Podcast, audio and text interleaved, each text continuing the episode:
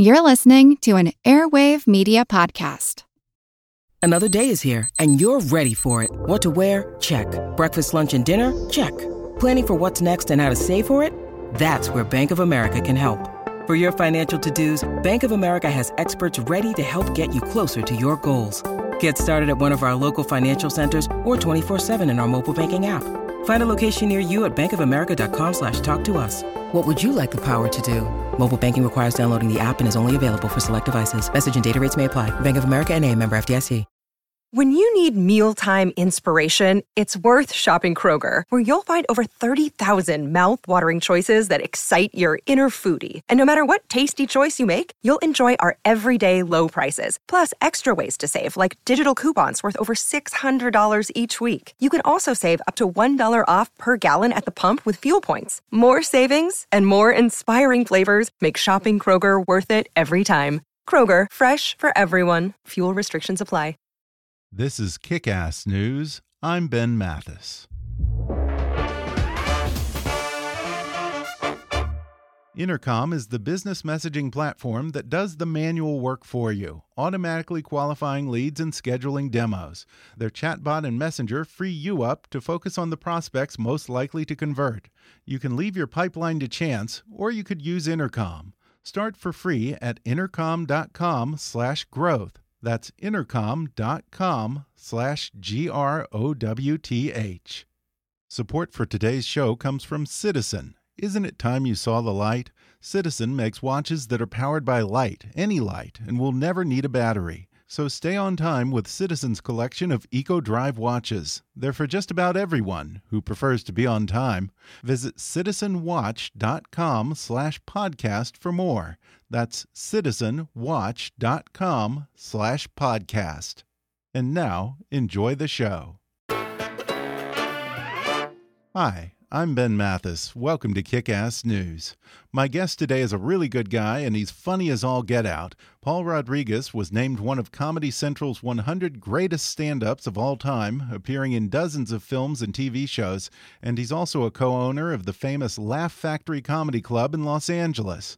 Now he's got a new stand up special called The Here and Wow, available beginning May 1st. And today, Paul comes on the podcast to tell stories from his 40 year career as an actor and comedian, including his first time on The Tonight Show, why Johnny Carson banned him from NBC studios, and the higher power who intervened on his behalf. He talks about getting his start as a valet guy at the world famous comedy store and how that led to his being a runner for Richard Pryor. He shares some advice comedy store owner Mitzi Shore gave him starting out and recalls some wild times living in a comics dormitory above the comedy store. Plus, he tells the story of his worst gig ever. Coming up with Paul Rodriguez in just a moment.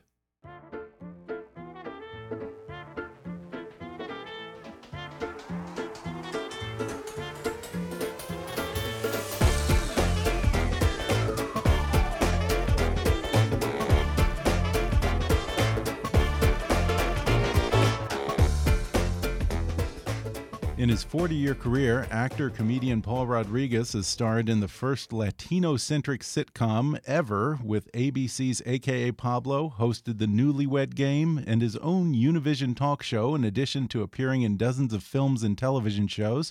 Comedy Central ranked him among the 100 greatest stand ups of all time, and now he's coming out with a new stand up special and album called The Here and Wow. Paul, thanks for coming on the podcast. Well, you're welcome. I was going to call it uh, hashtag me too, uh, but uh, they, they couldn't clear that. Then I wanted to call it uh, Fifty Shades of Gray Hair. now, is it a coincidence that you're releasing this new stand up special the week of Cinco de Mayo? No, it's no coincidence. That's the genius marketing of the uh, Caucasians who run uh, my career. They figured, hey, you know, Latino, Cinco de Mayo. I told them, there's several other holidays that are obscure. I say you're the 16th of September, and uh, the other one is uh, the first and the last. Uh, the first and the 15th of the month is very popular with with my people, and uh, you know there were several things, but I don't. I'm not gonna. You know, I'm I'm so happy to to just have an opportunity to do that. Hollywood has no need for some 63 year old dude, but but I'm glad I didn't become that old guy I used to criticize. You know, the one who who thinks everything sucks and, uh, and young people today are crazy and and uh, you know back in my day a lot of reminiscing because in reality you know it, aging is something that it'll happen to all of us if you Mhm. watch both ways uh, before you cross the street. Uh, You know, and and I never saw myself uh, getting to, to be this age. And of course, the longer I live, the older I get. But but it's not bad. Do you feel like you're becoming your father at this point? Do you have that has that set in yet? Oh, it's set in. You know, Yeah. it morphed. I, I I shave myself in the mornings, and I look in the mirror and I go, "Oh man, it's happened. I, I've become my dad." And I have his his pain. Uh, you know, he used to make this when he laid on the couch. He had this. Uh, I do it exactly like him, and you can't help yourself. I guess. I guess it's okay to become. It could be worse. You could become the neighbor's. Uh, uh, the guy, and that will say a lot about your mom. But you know, I turned. I looked exactly like, my old man. You have a son who actually shares your name and maybe getting close to becoming the more famous Paul Oh, oh, he's Rodriguez. there. He's absolutely you, there. Yeah, what'd you tell him when he told you that he wanted to become a skateboarder? I was disappointed. I didn't support him in that, and I, I, Yeah. I hate myself for doing that because. But I didn't know anything about skateboarding. To me, skateboarding wasn't a. It, it wasn't a, a, a way to make a living. It's something you did because you couldn't afford a bike. uh, it, it was a mode of transportation. Uh, I didn't know he had done that until people started telling me, "Well, "You have a son that skates?" And I go, "Yeah." You know, I mean, doesn't your kid skate? I didn't. I didn't think that the things that he did with that skateboard were were worthy of being paid thousands of dollars, whatever it is. You know, he'd get a board, he'd flip it, and then uh, he'd uh, jump a couple of steps. And I go, you know, every kid can do that, but apparently not. Uh, so uh, Yeah, he's a big deal. he did. He became a big deal, you know. And, and uh, after he won the X Games, as a matter of fact, the first time he invited me to go see him uh, was at the X Games uh, here in Los Angeles. And I uh, begrudgingly, because his mom said, "You know, you're not involved in his life. You're always gone." All right, all right, I'll go. so I went, uh, thinking I don't know what the X Games were. I said, "Was it some kind of porno competition? you know, is it a beer a sponsorship or what is it?" And I go there, and he won. He won the gold, and I saw the attention and the tons of people that were there, and all of a sudden. I'm bursting with pride. We were in the paper. And there was an article called "And the Sun Also Rises," and uh, there was a lot of people talking to me about my kid, and I honestly couldn't take any credit for it. If anything, I obstructed it. I remember telling him, "Come on, son, you're a better golfer," and he was. He was, uh, by the way, he was. Oh, really? He gave up golfing. He shouldn't have. He was really good. And uh, I said, "Oh, son, you know what is this skateboarding?" And he said, "Dad, you don't even know. There's money in this. I, I'm gonna make it." I said, "Who?" He goes, "You ever heard of Kevin Koston?" I go, "Costner? No, Koston." No, I haven't heard of him. That guy's got a shoe and he's funny. And, and he's, I said, I haven't heard of him. And, and uh, man, that was his hero. And then, and then uh, of course, he won a couple of times. And then he got a shoe deal. I said, You're kidding. Nike is paying you this to what? He goes, Hey, I got my name on a shoe. That's when I took him serious. And I said, Yeah. "Oh, Nike, uh, really? They're, they're paying some good money. And needless to say, he's paid my taxes so many times already that uh, whenever my career has fallen, he's he's been there to pick me up. Doesn't hold a grudge. Has still claims me as his dad, and life's good. Yeah, you never see a comic with a shoe deal, do you? you don't, you know, a gumshoe. yeah. probably. Best comic never got a shoe, yeah, did yeah, they? you know, it's Seinfeld. You see him with a shoe, you, you Carlin. I, you know, comics. We're not. We're not good spokesmen, I guess. I've been a Yeah. spokesman for some big companies, and I don't last too long. I open my mouth, I say the wrong thing, trying to be funny. Next, you know, I'm with Gilbert Gottfried in the "Woe Is Me" section. oh no. Yeah, you know, I, I was spokesman for Verizon. That was a couple of good years. The Pollo Loco, Pepsi. Yeah. Those are good monies, and I, I, they always let go because uh, I go on I go on stage and somebody would holler that, and uh, I would say, you know, just joke, something about the. Uh, the, the chicken or the phone calls or uh, can can you hear me now you know and uh, and I get canceled and I said what what happened they never told you it was that but I said what, what were they in that club Really? in Wisconsin I mean who, who somebody taped it but Well, who did they think that they were getting? I, I had the same conversation with Gilbert. It's like they knew what he his act was. What did they think they were buying? Aflac. But who? I mean, it's a, we're comedians, right? First Yeah. they, they like us because of our of our brashness, and then and then they they, they tell us to to toe that line. Well, I don't know. You know, for me, I, I don't know about other comics. I would imagine it's the same. You know, to tell me not to do something is almost to say, okay, you could do this. Yeah, you're yeah, you're encour- yeah, you're Yeah, encour- I in almost encouraging Quentin. it. Yeah. Years ago, with a, a show called uh, the Comic Strip, and they told us, don't jump from the stage. These are real prisoners. These aren't extras. Don't jump. We Oh, you were you." performing for the for the prisoners, yeah, for the inmates. Yeah, the, the, the heavy uh, hitters there. Wow. And I said, well, man, you know, if I if I jump, what's the worst that could happen? They beat me up. I get some publicity. They're all Mexicans. I, I feel like I was home. It was like a was like- there was some guys from my high school. It was like a homecoming. really? I jumped out there and they tr- they loved it. I, I walked up to the biggest guy. There was a Samoan guy there from from uh, American Samoa, I think. Stood seven foot tall, huge. He was like a building, right? I walked right up to him and I said, "Stand up," you know. And he stood up, towered over me, and I said, "I don't plan to come here, but if I ever wind up here, I want to be your bitch."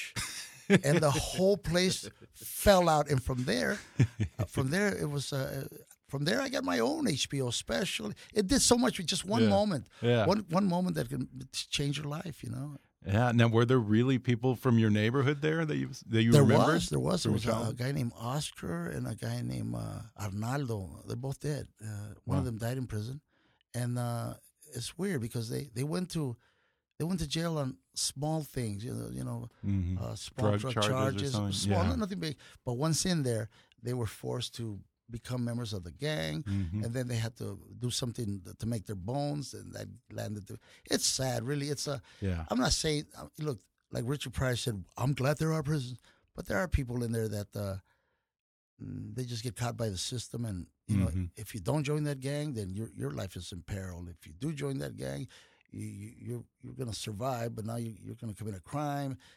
It's it's a it's a maze. Yeah, yeah, yeah. It seems like we're just sending people to prison to teach them to become better criminals at a certain point. pretty much, and Yeah. you know, going to prison here in in America is uh, bad, but it isn't bad bad. I mean, you look at some of these uh, uh, jails uh, in other countries, that's bad.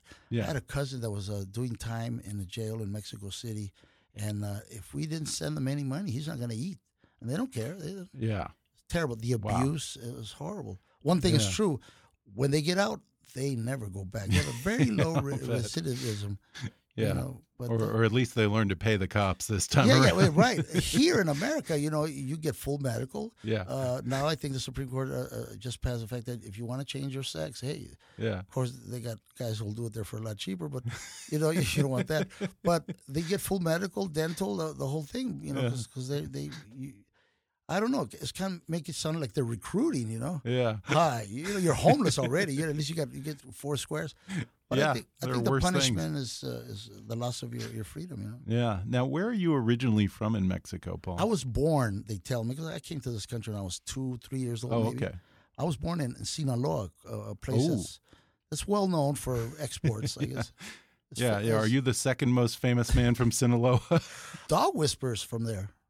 Oh, is he really? Yeah, Cesar, Cesar is from there.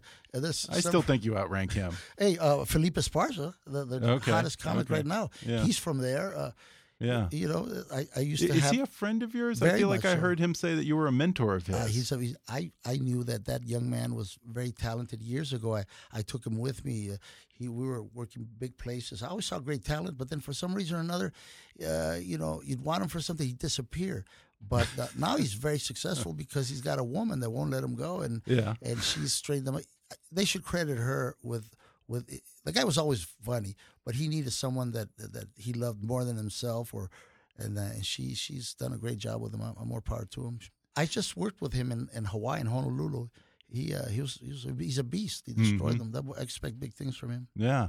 Before you got into comedy, I think you, you served in the military. I was in the Air you Force. went into law school. At what point did you get bit by the comedy bug here? That's a challenge, you know. I, I just uh, what happened with me is I went to the Air Force. I figured if I have to see combat, I want to kill people from far away, you know. And uh, and I went to tech school. I had a great job, made a lot of friends, and uh, you know, after I got out, I was going to school in the GI Bill, and I met a teacher, Mrs. Anita Cano. She's a professor. She's retired, now, I think.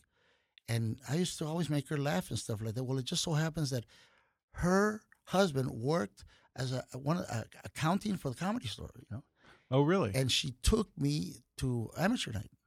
And because she says, or either you're going to go up there and, and, and be professionally funny or just shut up and let me get on with class. You disturb me too much. You make me, you make me laugh. I said, all right. So she took all my friends. I went up there.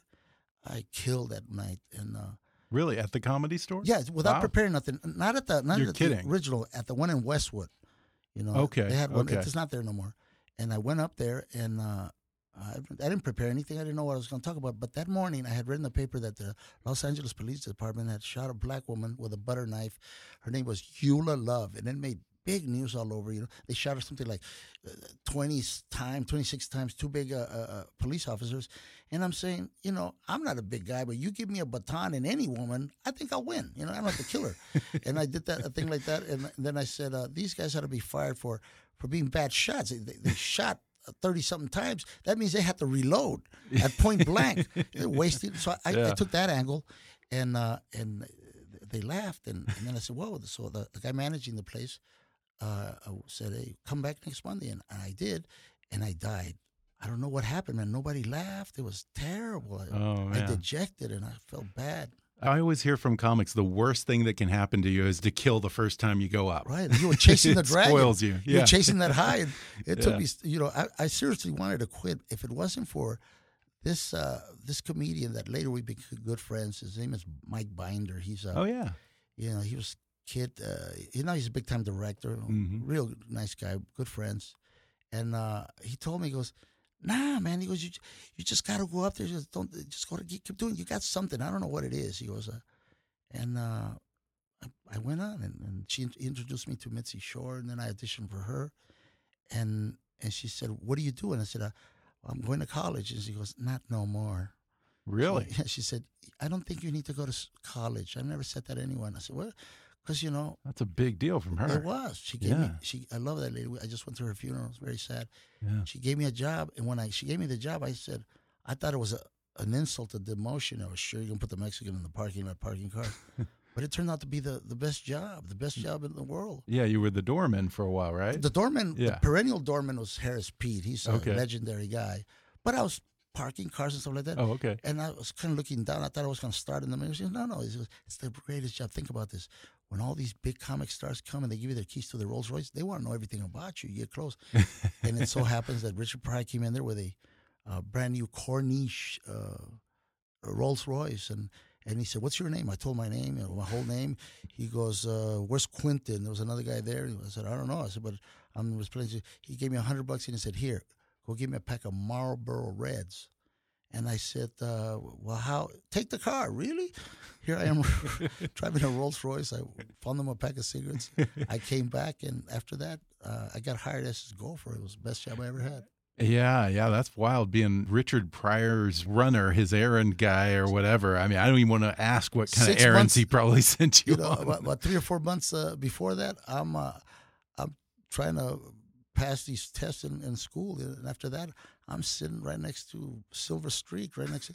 it, it was surreal. He was uh, yeah. so generous and kind, and I don't. I can tell you, it was probably the best job, and it only lasted for about uh, maybe eight months. Because soon after mm-hmm. that, I I got lucky, and Norman Lear gave me some bread, and I right. Yeah.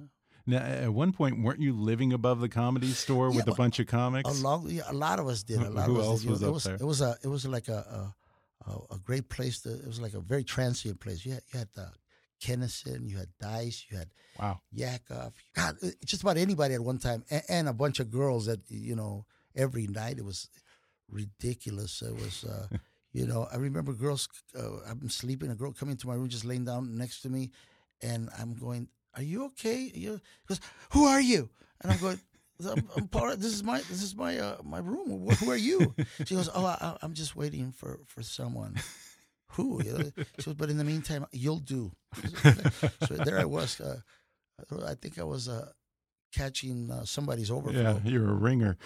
now, have you watched the Showtime series? I'm dying yeah. up there. Is that pretty much accurate no, from what you recall? It's some of it has been yeah. no, none of those. I mean, Jim Carrey was certainly a, a bomb when he when he came in. He was a no, he was amazing. Just uh, I never seen an impressionist like that. Uh, it was ridiculous. It was just yeah.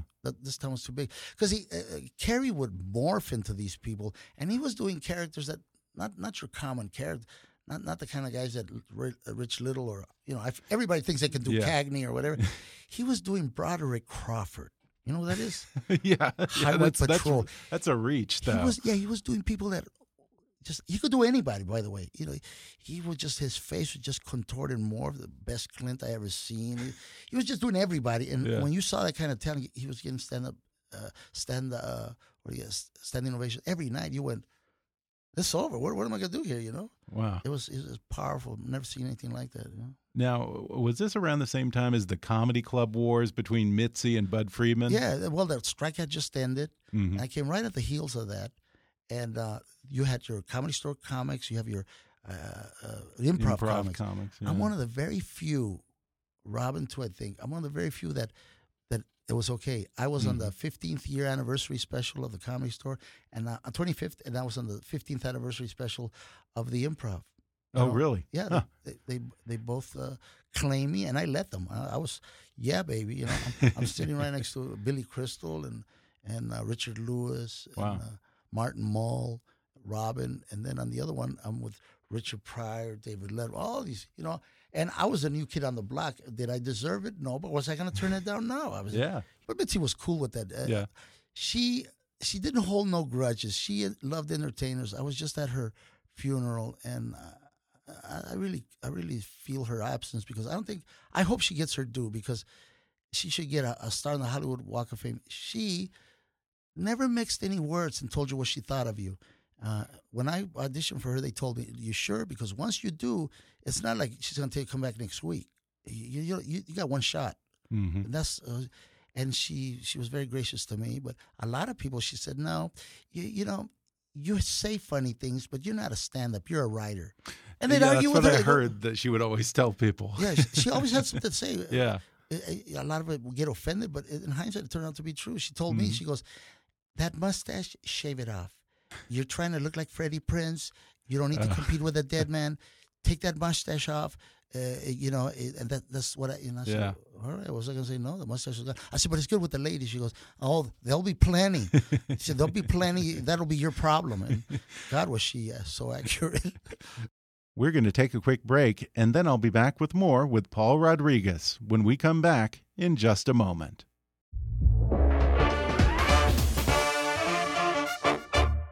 Hey guys, let me tell you about Dollar Shave Club, my go to for razors, shave butter, and all kinds of good stuff. Dollar Shave Club delivers everything you need to look, feel, and smell your best. You name it shampoo, conditioner, body wash, toothpaste, hair gel, even wipes. Their six blade executive razor is the best I've ever used. I could get a clean shave off that baby even if I used it every day for two weeks. And now I've become a huge fan of their amber and lavender calming body cleanser. Man, do I smell good! And it's the best way to start your day, guys. But all of Dollar Shave Club's products are great and made with top shelf ingredients that won't break your budget. Plus, shipping is free with your membership. And here's a great way to try a bunch of Dollar Shave Club's products. For just five bucks, you can get their Daily Essentials starter set. It comes with body cleanser, one wipe Charlie's, their world famous shave butter, and their best razor, the six blade executive. You can keep the blades coming for a few bucks more a month and add in shampoo, toothpaste, or anything else you need. Check it out at dollarshaveclub.com slash kickass. That's dollarshaveclub.com slash kickass. Listen up, folks. I want to talk to you about something important. Did you know that 71% of people say they need life insurance, but only 59% have coverage?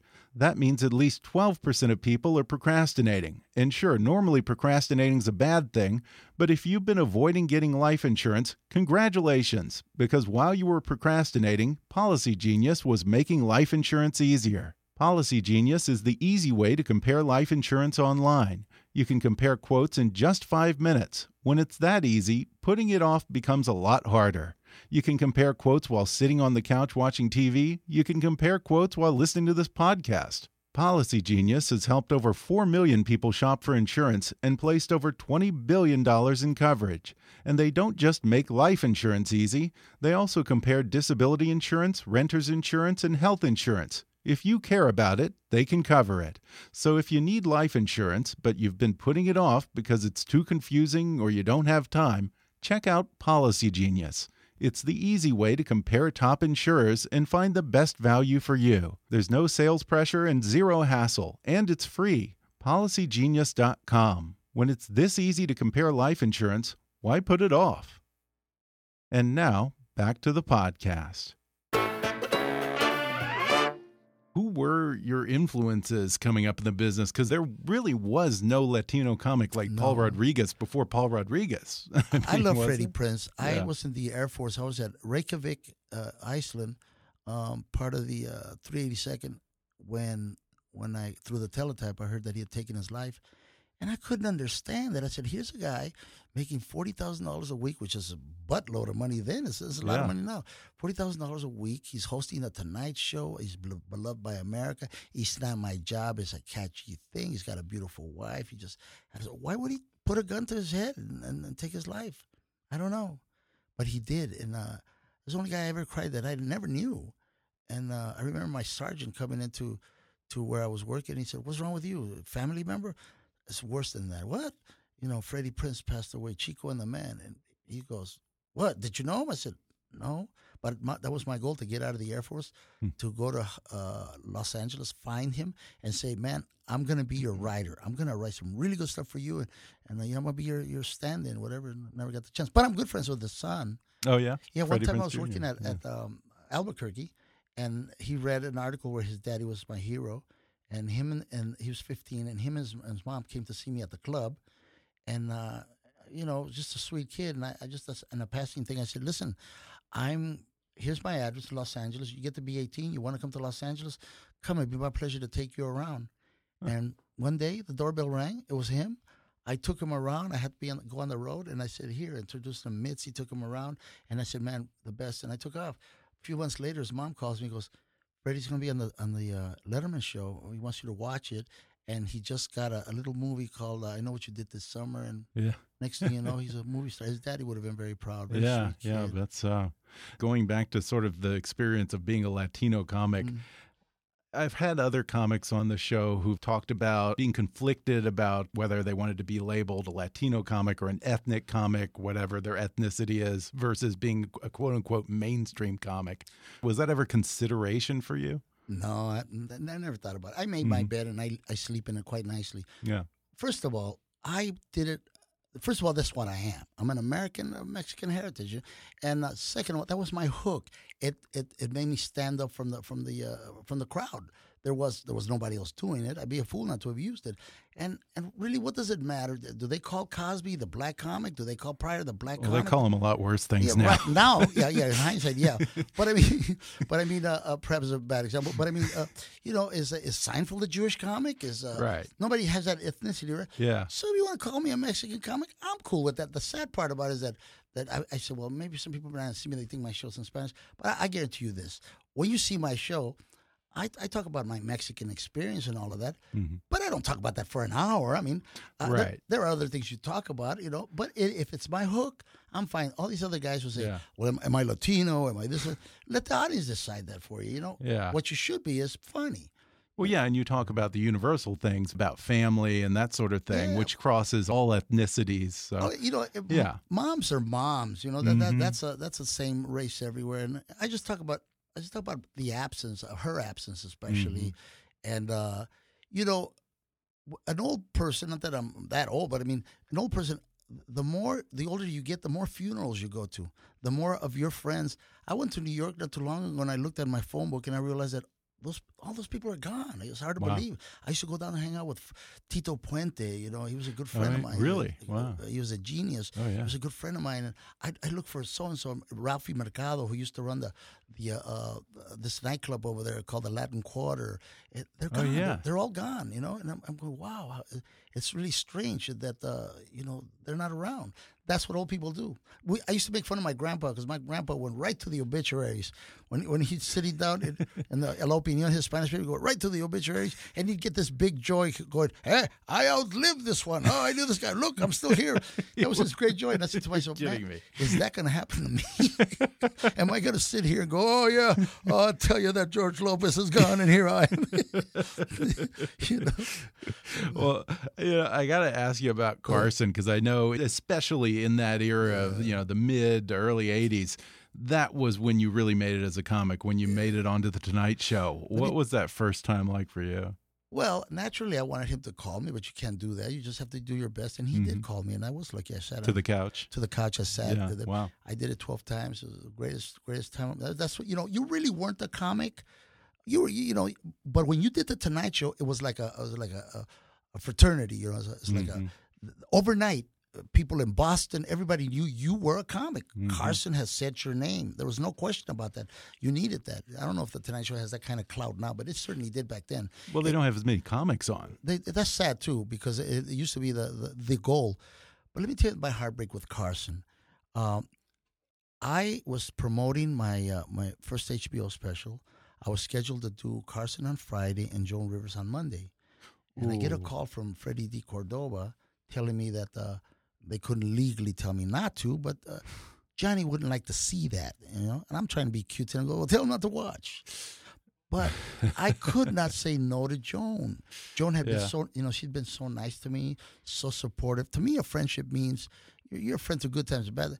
Joan, I really loved her. You know, she gave me so many. Ex- she was a walking book of comedy. She knew so much, right? She she had just gotten that show on Fox, and there was that rivalry. I don't know why Johnny Carson felt like because he loved her too, and then they just because he got a show. Yeah, You know, I he- think I think that from what I've always heard, I think that it was that she didn't run it by him, or at least tell him before he found out in the pay in Variety or whatever, and he took that really, really personally. I don't know if that was really either way. Let's say she Yeah. did run it by him, right? Uh, you know what was he gonna say? I mean, he was Johnny Carson. Was she a threat? No, she was no threat. Nobody was gonna take Johnny Carson out. Maybe he was an icon, right? I think it was unfair because I heard from her that she tried. She tried to call him, and he wouldn't take her phone calls or anything like that. Now, was this after she signed the deal? You also got to understand that her husband was the one that that inked that deal, so she was caught in the middle. Johnny had been good to her, but once she got her show, I think if you're a real, you would just wished her well. It would have been big of him, but no, he went out of his way to try to uh, uh, intimidate all kinds of people from doing her show, and a lot of people canceled on her. I wasn't going to be that guy. Yeah. Uh, she had been good to me, and I wasn't going to repay her like that, and it was a mistake. And I, when when the, when when I told uh, Mr. Carson that day, I said if I could speak to him, he was very short with me.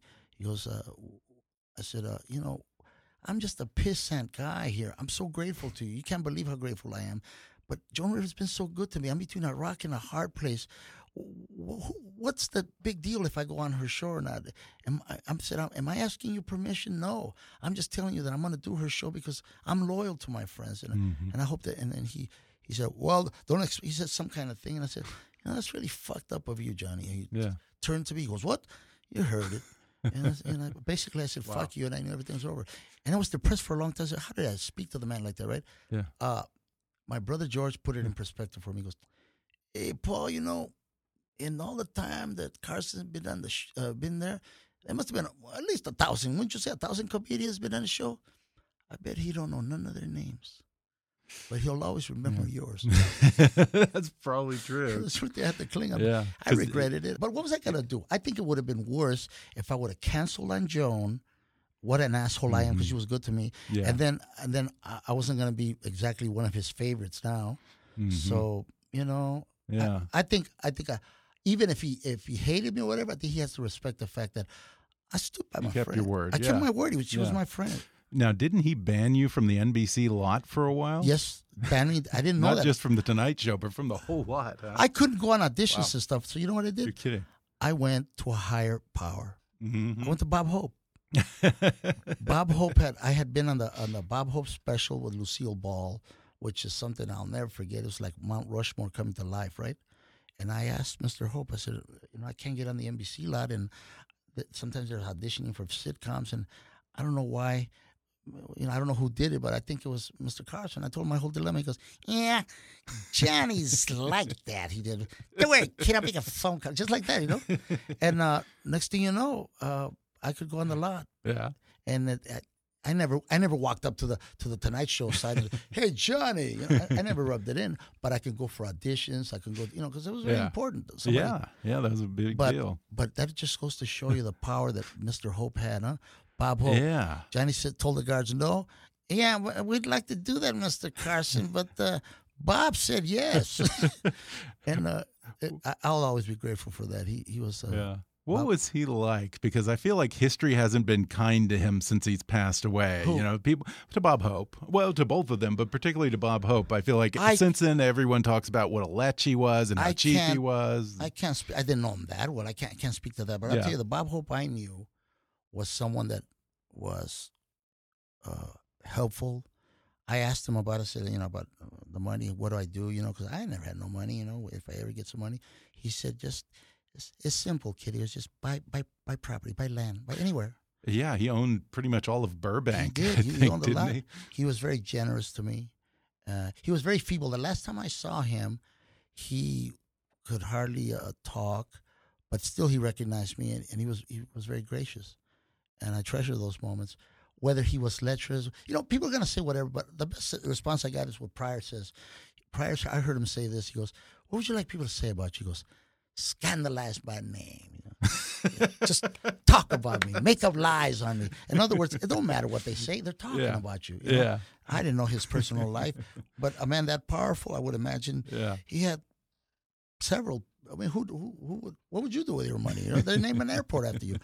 The saddest part is, is the really mm-hmm. hurt is because there was no way to repair uh, the Carson situation. Mhm. See, I really like Yeah. Carson. He was he was like the master of it. You know, he could tell a joke and then and then he would make a bad joke good. You know, Mhm. uh, they were both great in their own genres, but but to have somebody like that impose their their will. I mean, I'm a pissant guy, man. For them to say, make a choice. It's Yeah. Joan or me. Either way, I'm screwed. Don't you think? If it's any consolation, I've heard that story from many people, Regis Philbin and all sorts of people who somehow, not even you know choosing Joan over him, just little things that he took very personally, and then they never heard from him again. That he never so, spoke to them. is so fucked up for Yeah. someone to be that great in every other aspect of their lives and to be so vile and vindictive Yeah. in others. You know, yeah, I, I don't know. I, I figure we all carry our own cross. Hindsight is twenty twenty. If I had to do it all over again, I didn't. I wouldn't want to do it. You know why? Because I'm afraid I would have not gone on Joan Rivers, and that guy I couldn't live with. Mhm. I uh, I can look at myself in the mirror. Even even at, long after this happened, uh, I went to Joan's house. Uh, I, I I maintained a very good friendship with her, and uh, and she knew that I had done that because she knew who was being. And she said uh, she said, uh, you know, I can count in one hand those weren't, that weren't intimidated. Really? goes, and I'd still have fingers left.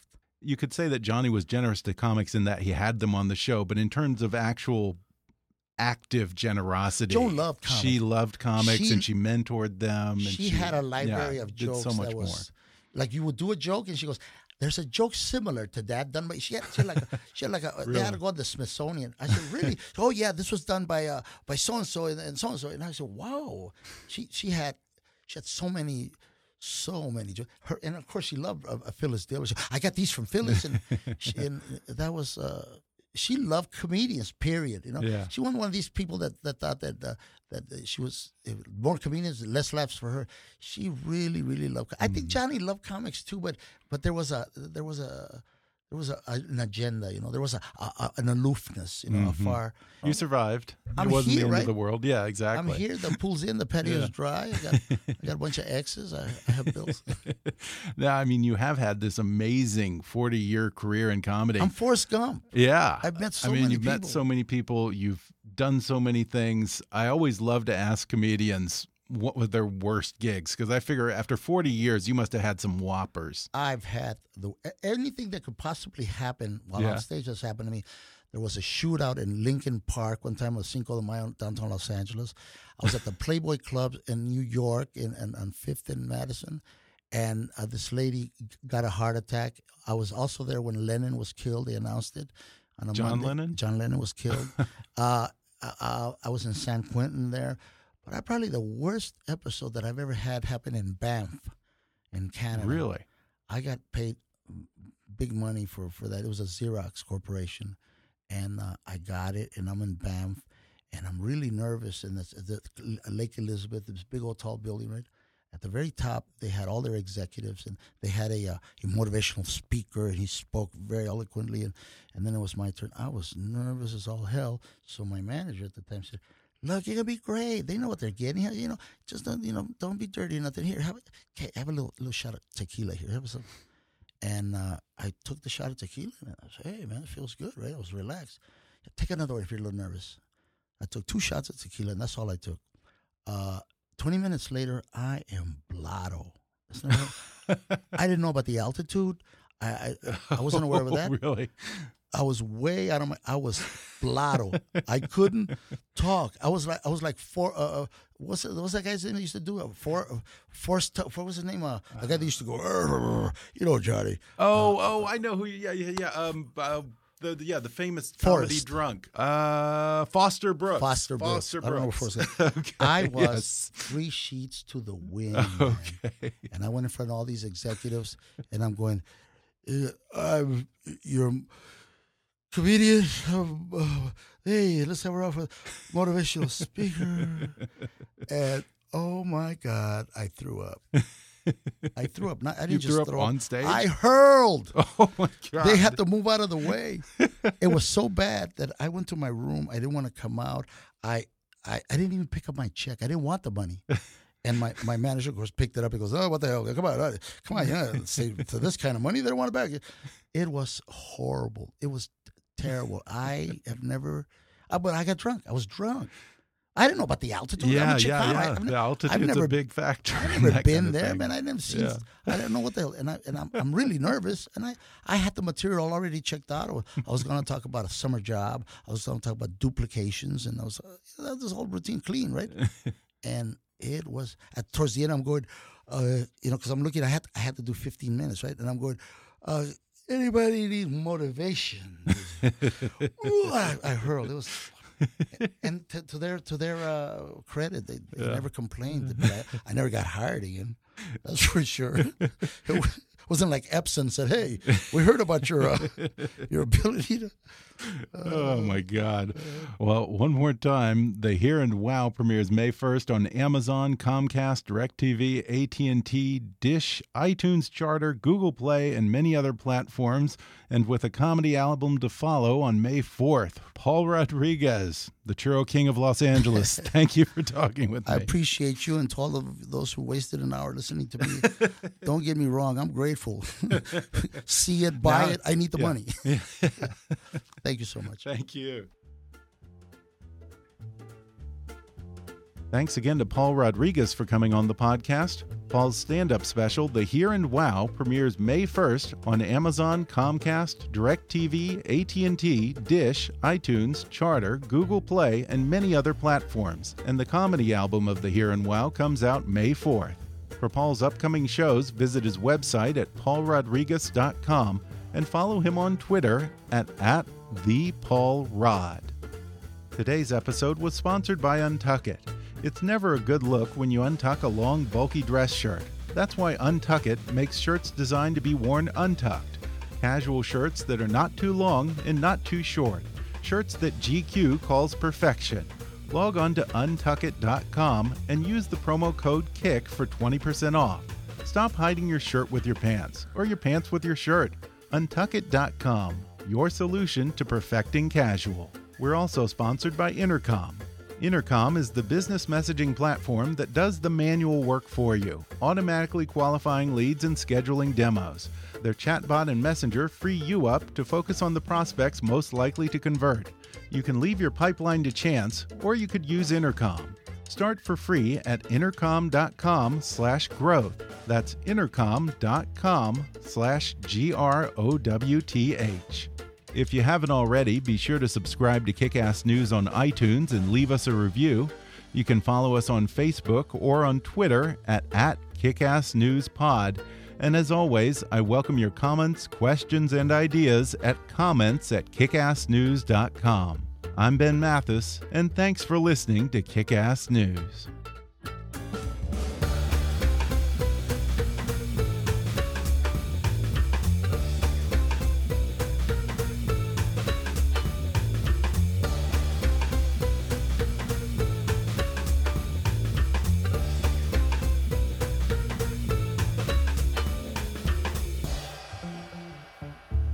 Kickass News is a trademark of Mathis Entertainment, Inc.